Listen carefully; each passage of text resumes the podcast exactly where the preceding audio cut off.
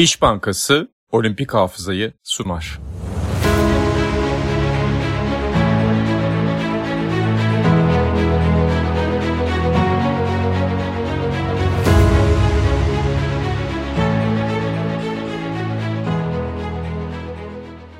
Sokrates'e hoş geldiniz. Türkiye İş Bankası işbirliğiyle hazırladığımız Olimpik Hafıza programında ikinci bölümde sizlerle beraberiz. Bu bölümde Şevket Furkan Erbay konuğum. Şevket hoş geldin. Hoş bulduk Caner. Ee, daha önceki Ozan Can Sülüm'le ilk bölümü yapmıştık ve biliyorsunuz her ay e, Olimpik Hafıza programında hem olimpiyat oyunlarına önce e, artık zaten bir yıl kalmış durumda bir ondan bahsedelim. Tam bir yıl kala ikinci bölümü yapıyoruz. Paris 2024 olimpiyat oyunlarına doğru. Hem güncel bir iki noktaya değiniyoruz. Sonra da tabii ki hafıza bölümümüzde olimpiyat tarihinden seçtiğimiz e, önemli anları konuşuyoruz, önemli olayları konuşuyoruz. Bugün e, Şevket istersen önümüzdeki günlerden daha çok aslında yani bir yıl kala bir e, olimpiyat oyunları söz konusu. Bir yıl kalmışken genelde bir muhasebe yapılır. Ne kadar hazır Paris 2024 işte ya da kim düzenliyorsa ne durumda. E, Fransa'nın ve Paris'in yaşadığı olaylar da malum. Onun üzerinden de böyle bir e, son 1-2 hafta hatta ben de Tour de France anlatırken çok fazla soru geldi. Ya Tour de France nasıl düzenlenecek işte Fransa bisiklet turu. Bir şekilde o spor organizasyonu düzenleme anlamında bir problem yaşamadılar e, Fransızlar. Ama bir yıl kala e, sen nasıl görüyorsun? Özellikle bu işin içinde organizasyonlarda da çok yer almış birisi olarak. Yani Fransızların organizasyon yapma becerisi malum ortada ama son zamanlarda zaten organizatörler yani devletler, büyük organizasyon yapanlar bunlarla baş etmenin yollarını buluyorlar. İşte yakın örnek Brezilya karşımızda hatırlıyorsun. Brezilya'da da hiç Fransa'dan aşağı çalkantılar yoktu. Bir şekilde polis zoruyla şeyi askeri sahaya indirerek yapıyorlar ki Fransa'da şu anda onun hazırlığının olduğunu biliyoruz. Çok yakın görüştüğüm Paris'te yaşayan bir gazeteci abim var. Onunla da görüşüyorum. Bu arada benim de eğer kısmetse ilk gideceğim olimpiyat olacak akredite olarak ben de hazırlanıyorum. Ha, harika. E, bugüne kadar hiç şansım olmamıştı Hı-hı. Paris'te. Hatta evime varıyoruz şimdi işte evde bulduk sayılır. Ama e, onunla da sık sık konuştuğum için biliyorum. E, önümüzdeki yıl için Caner adliyede çalışanların yıllık izinleri o ay için şimdiden iptal edilmiş. Herkes görevinin başında yani. Mesela hanımı şeyde çalışıyor. Paris adliyesinde bir yıl sonranın izi o, o dönem ve şey güvenlik güçlerinin. De şimdiden Macron hazırlanıyor. Fransızlar biliyorsun inatçıdır ve hiçbir şekilde e, sokaktan geri dön- dönmezler. Muhtemelen bir sonraki seçime kadar devam edecek e, gösteriler Macron'un baskısına karşı ama o da oyunları engellemesinler diye elinden geleni yapacak. Biraz böyle istim şey üzerinde olacak, gerginlik üzerinde olacak oyunlar. Ama e, bir şekilde sağı solu tıkayarak e, yapacaklarını düşünüyorum ben. E, çok büyük problem olacağını sanmıyorum. Fransa turunu ben çok izleyemedim tabii ama orada da hazırlıkları vardı eylemcilerin. Çok herhalde müdahale edemediler sahaya Aynen. en azından ya parkura. Günde işte ciddi bir güvenlik gücü protokolüyle Değil e, yarıştı. Orada da e, Fransa bisiklet turunda bisikletçiler. E, yaklaşık 7 bin jandarma görev aldı her gün. E, muhtemelen Paris 2024 olimpiyat oyunları bir de yerleşik bir düzen nispeten. Evet e, Paris'in birçok yerinde spor organizasyonu olacak ama sonuçta ona özel hazırlanacaklardır. Şey de e, önemli dediğin gibi. Normalde Fransa'da e, yaz izinleri çok önemlidir. Fransızların işçi hakları e, çok fazladır biliyorsun. Daha ilk işe girersin 3-4 hafta iznin vardır. Yani bizdeki bir hafta iki hafta değildir genelde. Yani bu tartışmalar bile onun üzerinden düşün yani. Emeklilik hakkı ve işçi hakları üzerinden. Aynen yani. aynen düşün. İnsanlar yani. o yüzden sokakta. Ee, orada da işte tabii bir yaş iki yaş oynatıyor orada Macron. Emeklilik normalde işte 44 62. galiba 46 yapıyorlar. Pardon 62 de 62 de 64 oluyor Orada evet. hani 62 de 64 oluyor aynen pardon. Ben tabii 43 yaşına geldiğim için ben kendim emeklilik arıyorum. Ondan sonra hatta yol kenarında bazı dövizler vardı işte Fransa turunda. Hani e, işte şey diyor mesela Thibaut Pinot var Fransız bisikletçi emekli olacak. Thibaut 64 yaşında emekli oldu yani artık olabilirsin tadında. Hani Macron'a göndermeler vardı böyle hükümetin evet. şeyine. Velhasıl o yüzden o izin, izin senin dediğin bilgi o açıdan kritik. Yani Fransa'da yazın gidilecek izinleri iptal etmiş. Çünkü Fransa'da Temmuz Ağustos'ta gittiğinizde genelde Paris'i daha nispeten turist dışında e, orada yaşayanları daha orada olmadığını görürsünüz. Zira genelde o dönem çok izin kullanırlar. 4 hafta, 5 hafta, kiminin 8 hafta izni vardır. Yani ondan sonra bir evet. ay giderler. E, bunu demek ki zaten bir teyakkuz hali olduğunu gösteriyor. Tabii ne kadar ciddi aldığını gösteriyor Caner. Aynen, aynen. E, tabii Paris'te hani ciddi hazırlıklar da var. Bir yandan aslında Türk sporcuların tabii ki oraya gidiş öyküsüyle ilgili artık yavaş yavaş haberler de gelmeye başladı. Ee, sevindirici de bir haber. Ersu, Ersu Şaşmaz, erkekler sırıkla atlamada e, olimpiyat kotasını aldı ki zaten bekliyorduk ama olsun. Sonuçta daha bu günlerden bir sene önceden haber almak gayet güzel oldu. İstersen ona da bir ufak değinelim. E, tabii 5.90 atladı Ersu. E, açıkçası çok iyi durumda değildi. Bana sorarsan biraz sürpriz oldu bu kadar erken atlayışı yapması. Ersu'nun kalibresi ortada ama bir yıldır doğru düzgün e, performansı yok. Daha Doğru. yeni konuştum ben çünkü Ersu'yla. 20 gün önce birlikteydik İzmir'de izlemeye gittim Süper Ligi. Orada da abi hala çok iyi durumda değilim işte bakalım falan. Kendisine de sürpriz oldu aslında. Çünkü 5.50'ler civarında geziniyordu. Bir gün haber geldi dediler ki 5.90 atladılar. Sonra videosu geldi baktık hakikaten atlamış Almanya'da. E, zaten bir süredir sürekli Almanya'daki yarışmalara katılıyor. Kampı orada olduğu için. Alman hocasıyla birlikte. Onun için de biraz sürpriz olduğunu düşünüyorum ama şu açıdan çok doğru Caner. Erkenden dereceyi atlamış olması üzerindeki baskıyı kaldırması açısından önemli. Çünkü Ersu en kötü ihtimalle şeyden gidecekti. Sıralamadan gidecekti ama şimdi artık sıralama mırlama düşünmesine gerek yok. Bileti cebine koydu. Sadece olimpiyat hazırlığını düşünebilir. Bu açıdan çok önemli bir derece. Çünkü çok ciddi bir baraj baskısı oluyor sporcuların üzerinde. Geçtiğimiz olimpiyatta da e, eğer hatırlarsan şeyin kapanmasına iki gün kala yine sürpriz bir şekilde Ankara'da atlamıştı. Yani listenin doğru, kapanmasına iki doğru, gün kala. Yani çok zor. E, o günlerde çok büyük stres oluyor. Atlayamayabilirsiniz de yani. Herkes çünkü e, Tabii, can havliyle derece atlıyor her yerde. Bir de onunla bir ilgili de şöyle bir şey söylemek isterim. gibi o tip branşlarda daha da stres oluyor. Yani çünkü ciddi bir teknik kapasite devreye girdiği için baskıda daha dağılabiliyorlar. Evet bir de şunu gördüm biraz beni gülümsetti tabii onu da belirtmek isterim. Millet şimdi 5.90'ı görmüş hemen 3-5 hesap yapmışlar pazarcı hesabı. O 5.90 işte bir önceki olimpiyatta bronz alıyor Ersu bronz öyle bir şey yok abi. Yani atletizm öyle bir e, e, e, matematiktir ama bu kadar ince pazar matematiği değildir yani. Oyunlara daha bir yıl var. Şu anda 5.90 atlayabilen 8-10 kişi var bu yıl için söylüyorum. Hani etrafta geçen yıl ondan önceki yıl 5.90'lık potansiyeli olan 17 kişi falan var abi şeyde. Erkekler sırıkla atlamadan evet. bahsediyorum. Evet çok ciddi bir derece ama bunun oyunlarda atlanması başka bir şey. Oyunlara giderken ki hazırlık dönemin çünkü oraya giden herkes 5.90 atlamış oluyor abi. Dolayısıyla 32 tane madalya adayı mı var? Öyle bir şey yok. yani o yüzden çocuğa şimdiden böyle baskı kurmanın falan bir alemi yok. Tabii Ersu bunları ciddiye alan birisi değil ayrı konuda. Hani Ersu zaten kendi işine bakıyor ama insanları hani bu paylaşımları görüyorlar. Öyle e, beklentilere giriyorlar. Sonra bu gençlerin üzerinde de baskı kuruyorlar. İşte yapamadın, edemedin falan diye. Onu bir altını çizmek istedim yani. 5.90 atlanması her hafta 5.90 atlayacağı anlamına gelmiyor.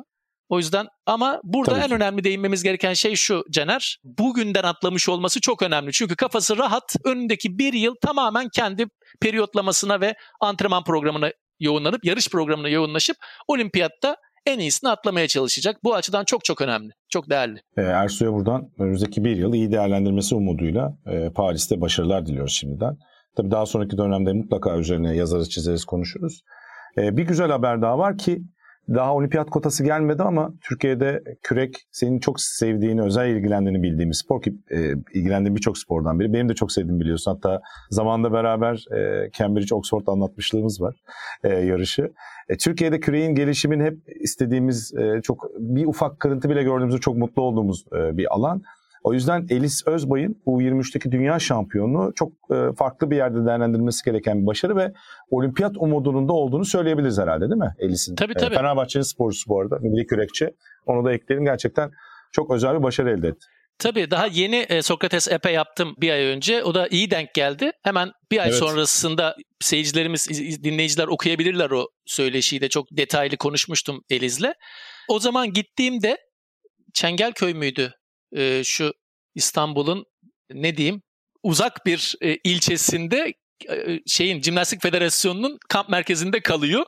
Orada hani bir Norveçli falan gibi Elis. Yani normalde zaten hani Türkiye'den çok zor kürekçi çıkması. Gerçekten bir Norveçliyle konuşuyor gibisiniz. Böyle çok bambaşka bir çocuk. Bir 22 yaşında ve kafası tamamen şu anda Paris üzerine odaklanmış durumda. Zaten ben eminim barajı geçeceğine de Önümüzdeki ay Dünya Şampiyonası var Caner. Eylül'ün başında Belgrad'da Dünya Kürek Şampiyonası. Orada ilk 9'a girmesi gerekecek. İlk, ilk baraj, ilk kotalar orada veriliyor.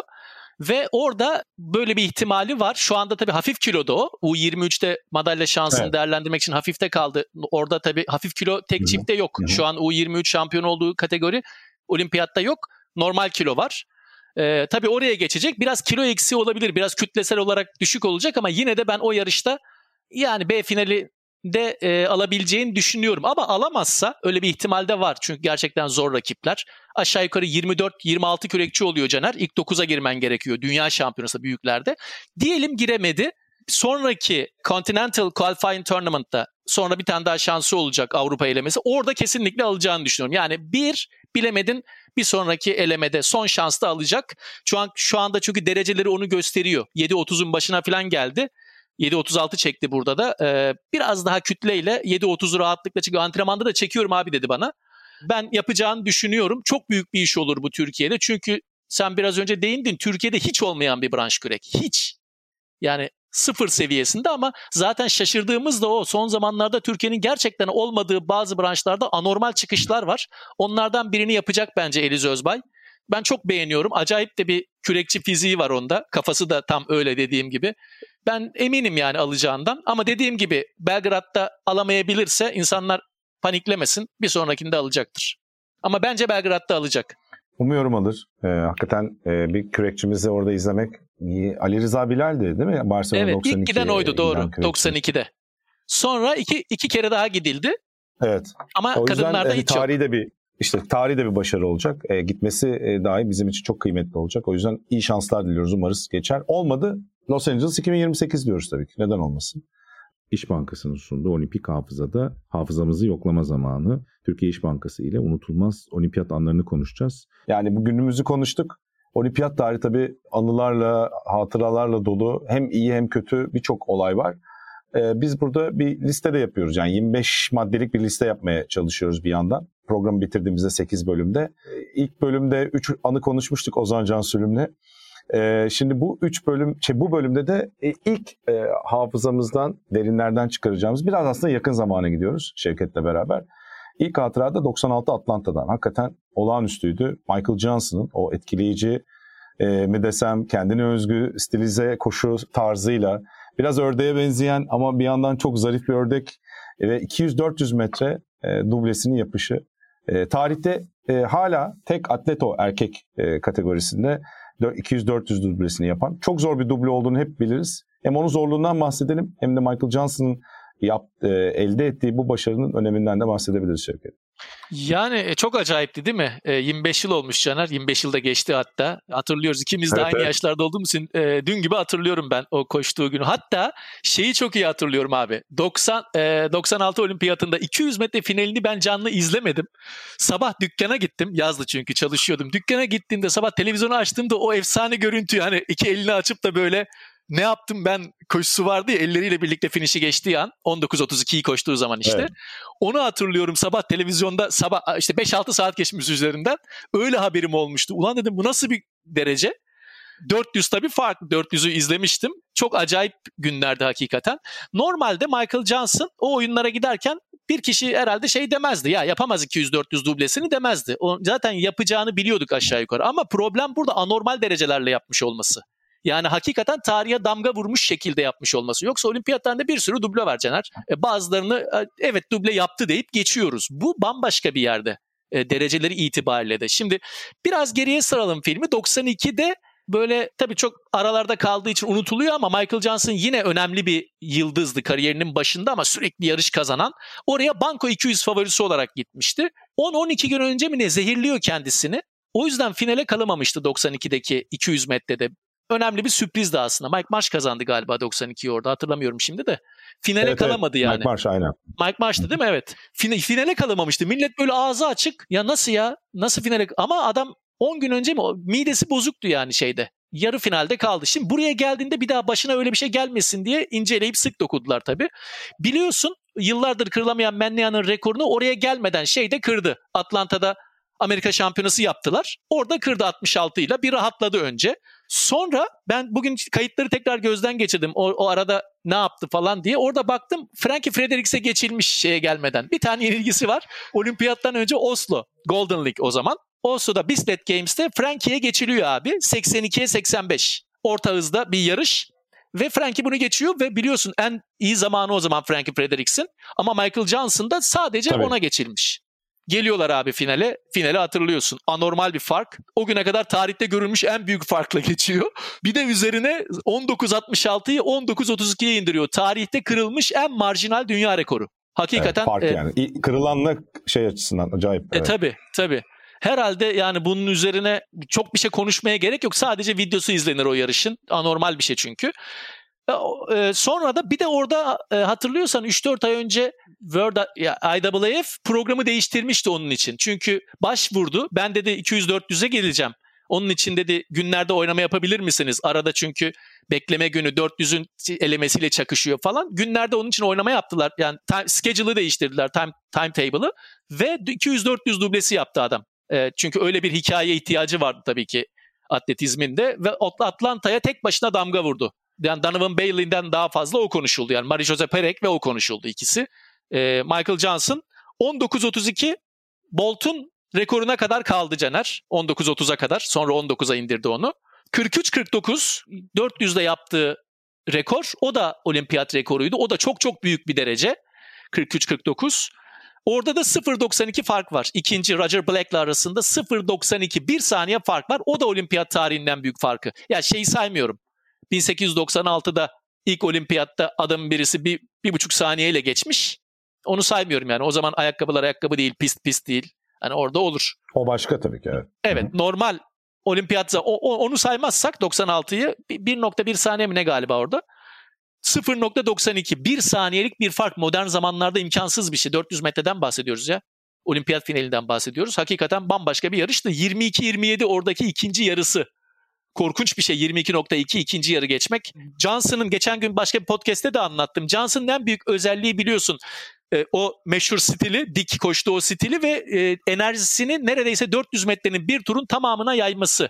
Yani ikinci yarıdaki artı Michael Johnson'da artın bir saniyeyi falan geçmiyor. Genelde 0.8-0.7. Enerjiyi bu kadar tamamına yayabilen atletizm tarihinde başka bir 400'cü gelmedi. O açıdan da hakikaten çok enteresan bir yarıştı. Orada da hikayeyi tamamlamıştı. Yani çok üzerine konuşuruz tabii. Ben burada kesim. Enteresan bir Estağfurullah. şeydi ve bir de bir, şey- bir de şey aklıma geliyor. Özel ayakkabıları vardı hatırlıyor musun? Nike ona özel Evet. şey Evet. Golden e, altından ayakkabı yapmıştı. Bayağı bir popüler oldu o ayakkabı sonra. Geçenlerde hatta yeni versiyonunu Evet, falan evet. yayınlamışlar galiba. Çok çirkin bir ayakkabıydı bence tasarım olarak ama ikonikti. Doğru doğru.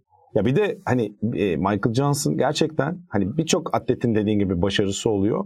Ama o kadar karizma, o kadar kendine özgü bir figürdü ki işte stiliyle, tavrıyla bir de yani kendisi başka bir yerde koşuyordu. Rakipleri farklıydı. Aslında o dönemin Hüseyin Bolt'un e, sonradan yarattığı e, o baskınlığı, hegemonyayı o 2-3 yılda çok hissettirmişti gerçekten de. Evet. Yani Evet. e, o, oradan da hafızada çok farklı yer etmiş bir figür gerçekten. Şeyi de söylemek lazım belki de. e, Yani Marie-José Perec sen söyledin. O da kadınlarda 200-400 dublesini yapmıştı. İlerleyen programlarında mutlaka ona da değiniriz. Yani 200-400 dublesini yapmak birisinde çünkü evet 200'de hem sprintinizin hem dönüş tekniğinizin olması lazım. Öbüründe 400'de bir de mukavemet de ekleniyor. Yani ikisini aynı anda aynı şampiyonada koşup başarmak, böyle farklar yaratmak çok komple bir atlet olmayı, çok özel bir yetenek olmayı gerçekten gerektiriyor. Evet. Ee, o yüzden altını hep çiziyoruz. Yani işte 1500-5000 de mesela belki biraz daha bu anlamda daha zor bir duble diyebiliriz. Mesela 5000'e 10.000'e nazaran. Değil mi? Çünkü evet ama 200-400 daha da zor abi. Katılıyorum sana.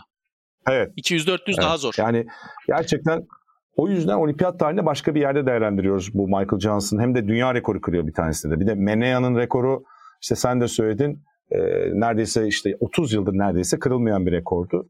Onu da bir de e, kırıyor. Ulaşılamaz denen rekorlardan biriydi.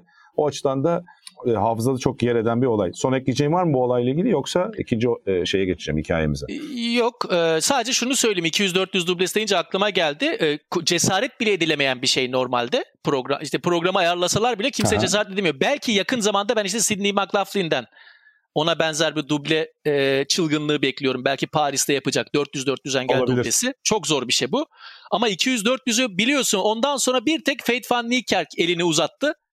Acaba yapabilir miyim lan diye bir, bir girdi ama Ramil Guliev ona engel olmuştu şeyde. Dünya rekoru kırdığı Rio'dan sonra Londra'ya 200-400 dublesi için Evet. geldi ama 400'ü rahatça kazandı. Geldi 200'de Ramil Guliev'e geçildi. Ki 20'nin altını bile koşamadılar o finalde. Ona rağmen bitiremedi işte dubleyi. Yani 3 yarış 3 yarış toplam 6 yarış Evet. yüksek seviye kolay bir şey değil 6-7 gün içinde çıkarabilmek gerçekten. İmkansıza yakın bir Tabii, şeyi yaptı yani tabii. Michael Johnson. E, son şeyi de söyleyeyim. Donovan Bailey deyince. Sonra onları bir de 150 metrede yarıştırmışlar ama Michael Johnson sakatlanmıştı hatırlayacaksın. Evet, Michael evet. Johnson Donovan. Bailey'i koşturmuşlardı gösteri yarışında. Bir yıl sonra. Onu da not düşelim sadece eğlencelik not olarak. Peki ikinci hikayemize geçelim. İkinci hikayede e, aslında yani e, ne eskiye gidebiliyorsun ne yeniye. O kadar uzun bir döneme yayılan bir hikaye ki 1984 Los Angeles'tan 2000 Sydney'e kadar giden bir hikaye. E, Steve Redgrave'in e, Britanyalı ünlü Sir Steve Redgrave diyelim hatta artık üst üste 5 altın madalya. Kürekte e, hakikaten olağanüstü kürek gibi çok zorlayıcı, talepkar. Hani devamlılığı bu sürece devam ettirebilmenin çok zor olduğu, fiziksel olarak çok yıpratıcı bir sporda. Üstüne üstlük bir de aynı disiplinde de değil. Yani farklı disiplinler de diyebiliriz ama tabii ki genel kategori aynı diyebiliriz. E, onların detaylarını senden rica edeceğim zaten. Bu başarının öneminde ner, ne teş, ne- nerede duruyor diye. Sana Sir Steve Redgrave deyip e, pası atmış olayım buradan. Evet teşekkürler. Şimdi önce şunu söyleyeyim. Ben bu Britanyalıların şeyini hiç sevmiyorum Caner. Hani alakasız, manasız tipleri abartırlar tarihleri boyunca. Bunlardan en başlıcası şeydir. Adamın birisi bir mili bilmem ne de koşmuş da 61. yılı, 62. yıl diye her yıl onu Mayıs ayında abi nedir abi o? Hiçbir şey, hiçbir önemi yok. Zerre kadar önemi yok dünya atletizm tarihinde. Bannister'ın saçmalıkları diye. Ama şunu söyleyebilirim. Redgrave gerçekten hani Redgrave hakkında yazıyorlar, çiziyorlar, ediyorlar ya o ha- hakikaten hakkı e, bulunmuş. Mesela Mo Farah'ın için yaptıkları ama Mo Farah'la aynı gün altın madalya alan neydi? Greg Rutherford muydu? Dümdüz bir şampiyonluk. Abartmayın Evet. abi. Abartmayın ya. Ya o şeylerini haz etmem ben British medyasında ama o konularda uzmandırlar Biliyorum, biliyorsun. Pireyi deve yapmakta. Ama Biliyorum. Redgrave hakkında ne kadar yazarlarsa az. Çünkü gerçekten onu hak eden bir hikaye. Ama şunu söyleyeyim ben. Elizabeth Lipa Redgrave'le eş. Ama işte Rumen olduğu için tarihteki şeyi onunla eşdeğer değil. Elizabeth Lipa da aynı dönemde 6 olimpiyat üst üste madalya alıyor ve Redgrave'den daha fazla madalyası var. İkisinde 5 altın. Ekstra alt, gümüş bronzu var Lipa'nın. 8 tekten tek çifteye kadar her şeyde kazanıyor Elizabeth Lipa. Yani çok büyük bir iş ama tabii ki Rumen. O yüzden arkasında böyle pireyi deve yapan bir medya desteği yok. Gelelim Steve Redgrave'e. Ben bugün, bende bir kitabı var onun. Çok güzel bir biyografisi var. O, onu kurcalarken seninle konuşacağımızı şey yapınca bir bakayım dedim başında.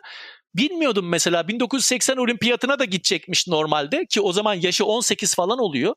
Takıma girecek kadar iyiymiş. Çünkü Moskova'da 79'da Dünya Gençler yapılmış Caner. Orada Moskova'yı görmüş ve bir yıl sonra ben olimpiyata geleyim diye niyetleniyor. Thatcher diyor benim olimpiyatıma mal oldu diyor. Kitabın başlıklarından birisi o. Aslında Thatcher şey diyor. Sadece e, şeyi kesiyor. Fandı kesiyor abi. Normalde Britanya baktım kürek takımı gitmiş oraya. Sadece fan, yani ödeneği kestiği için devletin ödeneğini British Sport'un ödeneğiyle gidiyorlar. O yüzden 4-5 3-4 takım gidebiliyor galiba. Bunların olduğu takım yani 4 çifte de o zaman gitmiyor. O yüzden ona çok kızgın. Bayağı diyor Thatcher'a sallıyordum o zamanlar diyor. Gidememiş 80 olimpiyatına. 84 ile başlıyor. Oradan 2000'e kadar dediğin gibi çağları yani periyotları aşan bir dönemde neredeyse 20 yıla yayılan bir dönemde adam acayip ya. Yani 84 Doğu Almanya yok Caner. Evet o dönemin en iyi takımı Doğu Almanya. E, dört tek dümencilideler yarıştığı bir disiplin. Daha sonra kaldırılan bir disiplin. Şu anda yok artık o. Evet. Doğu Almanya yok. Evet. Sovyetler de yok.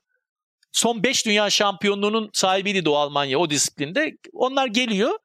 Aslında yani çok önde bir takımları yok ama Hamla'da Steve Redgrave'in olduğu ekiple birlikte Amerika ile kapışıyorlar. Yeniyorlar Amerika'yı. Tırnak içinde eksik olimpiyatta kazanıyorlar. Birinci altın. 4 yıl sonra iki teke geliyorlar. Şeyle Andy Holmes'le birlikte iki teke geliyor. En iyi partnerlerinden birisi. 87'de dünya şampiyonu olarak geliyorlar oraya. Zaten favorilerdi. Bence 5 altını arasında en kolay kazandıkları altın.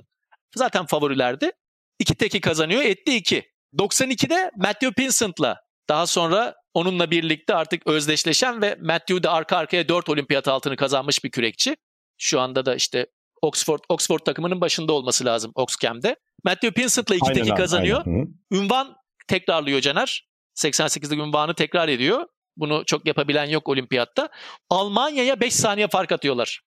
Almanya ve biliyorsun onların asıl hikayesi bir Almanla başlıyor aslında 80'li yıllardan sonra Almanya'dan önce Jürgen Gröbler Doğu Almanların ünlü koçu oraya Doğru. göç ediyor Hı hı. ve hala da orada yaşıyor. Jürgen Gröbler o Britanya'nın inanılmaz dört tek takımını oluşturan ekip, oluşturan kişi, beyin. Gröbler'in başına geldiği Britanya takımının işte 92'de Matthew Pinsent'la oluşturuyor bu ikiliyi ve iki teki açık farkla kazanıyor. Etti 3. 96 Atlanta'ya geliyor. Bu sefer 4 çifte takımını oluşturuyorlar. Oraya gelmeden önce 93, 94, 95'te 3 kez üst üste dünya şampiyonluğu 4 çifte de. Yani 96 Atlanta hedefli bir ekip oluşturuyorlar. 92'den sonra 4 çifte de Britanya bir demir bir takım oluşturuyor. 3 olimpiyat altını ve Atlanta'da 6-20'lik bir performans. İki, iki, iki tekte düzeltiyorum 4 çifte değil 2 tekte. 6-20'lik bir performans o zamana kadar tarihin en iyi derecelerinden biri. Yine Matthew Pinsent'la birlikte. Dördüncü altın madalya bu. Yani 3 dünya şampiyonluğu kazanıyorlar. Ardından bir de olimpiyat altını, bir de Barcelona'da kazanmışlardı. Üst üste 5 büyük şampiyonluk. Buradan sonra 96 Atlanta'da dördüncüyü aldıktan sonra meşhur lafı var biliyorsun. İşte beni, beni bir daha kürek teknesinin yanında görürseniz başımdan vurun. Artık yani yapmayacağım Aynen. falan diyor ama ama abi duramıyor tabii ki. 96 bitmeden galiba 97'nin başında mı 97'nin ocağında mı şu tekrar dönüyor küreye. Yani lafını yiyor. 3-4 ay sonra dönüyor tekrar. İnanılmaz. Derdi evet. ne abi? 4 teki almak. O dönem hatta Şevket e, diyabet teşhisi de konuyor. Şeker hastalığı teşhisi konuyor ki bu kadar günlük kalori alması gereken yani sonuçta bu adamlar 1.95 103-105 kilo adam yani Steve Redgrave hani o kürek gücünü harcayabilmesi için sonuçta bir kalori alması lazım. Günde bazen 7000 kalori alıyorlarmış çünkü. Yani bunu alabilmek için de birden diyabetle uğraşması lazım. Bir önüne başka zorluk da geliyor o yaşta bir de. Evet. Senin dediğin o dönüşle beraber. Evet. Ona rağmen dönüyor adam. Yani ben diyor bir tane daha alayım bari. 2000'e kadar yine bir seri başlıyorlar. Matthew'la birlikte olduğu bu sefer 4, 4 tek takımına geçiyor işte. Matthew Pinsent, James Cracknell, Tim Foster ve o bu mu- muhteşem dörtlü yine dünya şampiyonları serisine başlıyorlar. 97, 98, 99 kazanıyorlar. 99'da Tim yok galiba. Takıma bir yedek giriyor. Sonra tekrar 2000'de takıma dönüyor ama Tim. O Britanya'da böyle bayağı şey oluyor o dörtlü. Yani kürek tarihinin en çok bilinen takımlarından biri oluyor. James, Tim, Matthew, Steve dörtlüsü. Ve Steve kaç oluyor şeyde? 38 mi oluyor? 62 doğumlu olduğuna göre 2000 Sydney'de evet 38 yaşındayken Tabii. son bir altın için geldikleri yarışa tıklım tıklım sabah bir daha izledim yarışı Sydney'deki yarışı. Acayip bir, bir kalabalık. Avustralya. Ve Avustralya'da var yarışta. Ve geçiyorlar abi. 32'den beri 1932'den beri ilk altın madalyası Britanya'nın 4 tekte. Orada da madalya yoktu uzun süredir. Onu da o hesabı da kapatıp e, tamam artık diyor bundan sonra işi bitirelim. Öyle bitiriyor. Şimdi dediğimiz gibi şöyle baktığımızda gerçekten kafasına koyduğu her şeyi yapan biri olarak çok az var herhalde. Yani LeBron James falan var herhalde bunun gibi bir tek yapabilen spor tarihinde. Çok uzun süre için söylüyorum. Yani 3-5 yılına herkes hedefine ulaşıyor da ya 20 yıllık periyotta ben şunu da yapacağım, şunu da yapacağım deyip hepsini yapabilen çok az insan var. Zaten 5 olimpiyat altın dışında dünya şampiyonluklarıyla birlikte de yani kürek tarihinin boynundan en fazla altın madalya geçen kişisi şu anda Steve Redgrave. O yüzden ünvanı da övgüleri de hep hak ediyor abi. Gerçekten herhalde olimpiyat tarihi denince akla ilk gelecek 10 figürden biri olabilir yani direkt. Ha, şunu Doğru. say desen dur Steve Redgrave dersin gerçekten. Evet abi. Ki hani tam bireysel bir spor da değil takım sporu yaptığı liderlik de önemli ki Matthew Pinsent o yani en e, tabii ki birçok e, kürekçiyle yarışıyor ama Pinsent onun böyle en akılda kalıcı, en beraber ikiliymiş duo gibi gördüğümüz kişi. Doğru. Ki o da 2004'te bir tane daha alıyor. O da 4 yapıyor. 4 altın üst üste. E, o da aslında Steve Redgrave'e çok yaklaşıyor. Peki 3 altın dedik, 4 altın dedik, 5 altın üst üste dedik. O zaman e, son hikayemize geçelim. Çünkü e, bizim yani Türkiye spor tarihinde çok özel bir figür. Buradan kendisini de saygıyla, hatırasına saygıyla anıyoruz. Naim Süleymanoğlu'nun da yine başka talepkar sporda. Bir de halterin gerçekten çok popüler olduğu, belki halter biraz şimdi popülaritesini artık e, yani yitirmiş diyebiliriz modern sporlar arasında ama yani 80'ler 90'lar halter çok olimpiyat izlenirken en çok e, ilgi gösterilen sporlardan biriydi gerçekten. E, geçmişinden özellikle birçok teknik branşta üstün ülkelerin de varlığıyla beraber ve 88 Seul tabii Türkiye geliş hikayesi bunların hepsini e, birçok yerde işledik, okuduk, yazdık. Sonra belgeseller çekildi, filmler çekildi, sinema filmleri.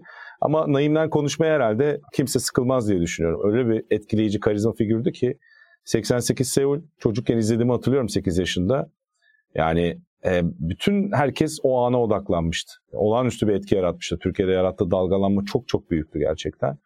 92 üzeri 96 üst üste 3 olimpiyat altını. İkisi 60 kiloda, sonuncusu 64 kiloda biraz bisiklet değiştirmesi gerektirmişti. E, tabii halterde sistemler de değişiyor yıllar içerisinde. Onun da getirdiği bir şeydi. Ve olağanüstü etkileyici bir hayat öyküsü de var tabii ki Naim'in. Buradan pası sana atmış olayım. kısaca konuşmak zor ama biraz kısaca konuşacağız. Konuşacağız. Burada olimpik hafıza programında Naime. Tamam. Başta hemen şunu söyleyeyim. Benim hayatım boyunca öyle hiç çok özel figürlerimden biri olmadı Naim. Yani sportif kariyeri en büyük tartışmam bunu hiç kimseyle ama bence e, sorunlu bir kişiliği vardı. Zaten bunu filmlerinde de görüyoruz. Yakından tanıyanlar da söylüyor. Biraz problemli bir karakterdi ama hangi büyük yıldız problemli evet. değil ki? Öyle evet. bir yapısı vardı gerçekten. Anlaşma anlaşılması da anlaşması zor bir biriydi. Ama Naim'in ne kadar dünya çapında bir etki bıraktığını şöyle bir anımı anlatarak anlat Lütfen. altını çizmek isterim. 2002 yılıydı galiba. Sporting Legends diye bir, bir ilk yüz listesi hazırlıyorum o zaman bir çalışma için. O zaman internet tabii bu kadar yaygın değil yani daha doğrusu sosyal medya yok ama internetten araştırma yaparken halter forumlarının birinde şöyle bir yoruma denk gelmiştim. Yani Naurulu, Nauru 17 yaşın Nauru e, Pasifik'te bir ada. 17 yaşındaki genç bir haltercinin orada mesajı vardı. Halter forumunda 2002 yılından bahsediyorum işte Naim sen benim için Allah'sın falan diye böyle inanılmaz övgüler dizmişti. Senin videolarınla büyüyorum işte e, böyle bir insan gelemez yeryüzüne falan diye. Bu çocuk halter hay- hayaliyle yaşayan bir adalı. Milyonlarca e, binlerce kilometre ötede bir Naurulu genç 17 yaşında bir haltercinin hayallerini bile süsleyen bir etkisi oldu bu sporda Naim'in. O yüzden tartışmasız bir şekilde alter tarihinin en büyüğü. Hep aklıma gelir o Naim'in büyüklüğüyle ilgili. 88 Seul bence en parlak yarışmasıydı. En heyecanlı yarışması bana katılacaksın 96 idi kesinlikle Leonidis'le yaptığı kapışma. Evet. Ama 88 Seul en parlak yarışmasıydı. Olağanüstüydü. 152,5, 190, 342,5 dünya rekorları. 190 kilo biliyorsun vücut ağırlığına oranla 59 küsürdü. Belli bir halterde hesaplanan bir şey sistemi var ne derler katsayı katsayı sistemi var. Ona göre hala dünya halter tarihinde yapılmış binlerce kaldırış arasında teknik açıdan en yüksek en değerli kaldırış hala halter tarihinde. E, Seul'deki silkmede yaptığı 190 kilo. Orada o Stefan Topurov'u geçmişti. Evet Stefan Topurov tabi Bulgar. Bulgarlarla aradaki gerginlik de söz konusu o zaman tabi. Bulgaristan'dan göçtüğü için Naim. Daha doğrusu kaçırıldığı için Melbourne'da. Stefan Topurov ikinci oldu. 92 bir başka Bulgarı geçti. Nikolay Peşalov'u 320'ye 305 toplam. Orada da 15 kilo fark attı 60 kilo finalinde. Orada yalnız mesela 142,5 kaldırdı koparmada. Ondan sonra dünya rekoru denedi iki kez 153. İkisinde de düşürdü barı. İki, iki tane kaldıramadığı ağırlık var ama ona rağmen 15 kilo fark yapıyor. Yani aslında peakinde değildi orada. Ama rahatlıkla ortalama kaldırışları bile yetiyordu. Çünkü Peşalov'un bıraktığı yerin 5 kilo üstünden başlıyordu. 96'ya gelelim. 96 benim aklımda hep o yarışmadaki o müthiş seyirci ve Yunan ve Yunanistan Türkiye arasında zaman zaman iki yılda bir olan artık neredeyse milli spor haline gelen gerginlikler silsilesi geliyor. Kardak kayalıkları krizi vardı. Doğru. Türk medyasında aynen. böyle manasız bir şekilde Yunan düşmanlığı bilmem ne falan. Orada da işte Yunan'ı ezeceğiz falan başlıkları atılıyordu. Valerios Leonidis. Hatırlıyorum. E, Valerios Leonidis galiba Sokrates'te okumuştum yanlış hatırlamıyorsam. Sizde röportajı vardı. Evet, röportaj Cenazesine de gelmişti yani. değil mi? Hmm, Cenazeye aynen. de geldi. Evet. Evet. Sonradan çünkü bir dostlukları oluşuyor. Ee, özellikle o rekabet döneminde birbirlerine çok saygı duyuyorlar aslında. Evet. Leonidis son iki kaldırışı biliyorsun e, kaldırış farkı nedeniyle son iki kaldırış Leonidis geliyor. Naim bitiriyor kaldırışlarını.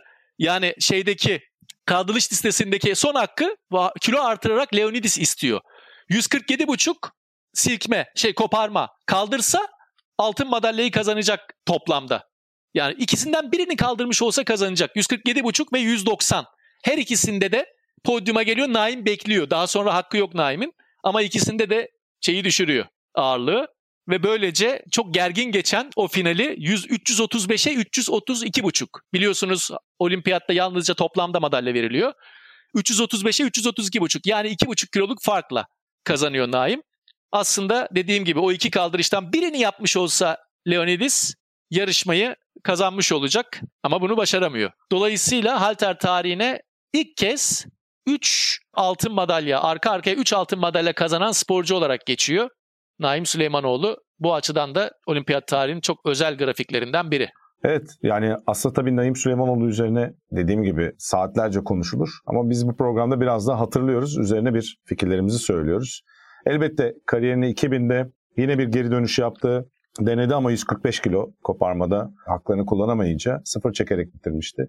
Olur böyle efsanelerde vardır biliyorsun. Yani işte Michael Jordan döner, istediğini bulamaz, Michael Schumacher döner. O müsabakayla aralarındaki ikircikli ilişki başka türlüdür gerçekten. Yani sporla efsanelerin. Çünkü yaşamlarının çok büyük bir parçası ve aslında güçleri tam istediği gibi o seviyede olmasa da dönerler ve yapmaya çalışırlar. Eskisi gibi o en böyle metalaştırıldıkları, dev, devleştikleri günlere dönmek isterler. Naim'in de aslında öyle olmuştu ama olmadı 2000'de. Olsaydı keşke. Evet. Ki el verdiği bir başka büyük şampiyona aslında gitti. Halil Mutlu orada çok önemli bir isim aslında belki onunla beraber yetişti. E, o yüzden buradan Naim Süleymanoğlu'nu da tekrar hatırlamış olduk. Şevket ağzına sağlık. Teşekkür ederim. Ben ee, teşekkür ederim. Yani konuştuğumuz 3 hikayede bu arada üzerine ayrı ayrı belgeseller, filmler çekilecek Doğru. hikayeler. Yani öyle çok e, aslında arka planda çok fazla hikaye var. Ama Olimpik Hafıza Programı'nın içindeki el verdiği sürede tabii ki biz bunları maddeleri sıralıyoruz. 6 oldu böylece. 3 Ozan Can Sülüm'le. Onunla da Zatopek'i, yine Pavo Nurmi ve Fransa handbolunun son olimpiyat oyunları çifte duble zaferini konuşmuştuk. E, sana da hatta oradan selam göndermiştik e, Ozan Cansür'üne. Bu programda gelip konuk olduğun için çok teşekkürler. Rica ederim. Ee, Tekrar görüşmek sağlık. üzere. Tekrar görüşmek üzere. E, Türkiye İş Bankası'nın katkılarıyla hazırladığımız Olimpik Hafıza Programı'nda ikinci bölümün sonuna geliyoruz. E, önümüzdeki e, aylarda yine e, Paris 2024 Olimpiyat oyunlarına doğru hem günümüzü konuşacağız hem de olimpiyat tarihinden önemli hikayeleri yine gündeme getireceğiz. Tozlu raflarından alacağız ve hafızamızda yer ettiği şekliyle konuşup hatırlamaya çalışacağız. Ben Caner Eler, Şevket Furkan Erbay ile beraber ikinci bölümden veda ediyoruz. Görüşmek üzere, hoşçakalın.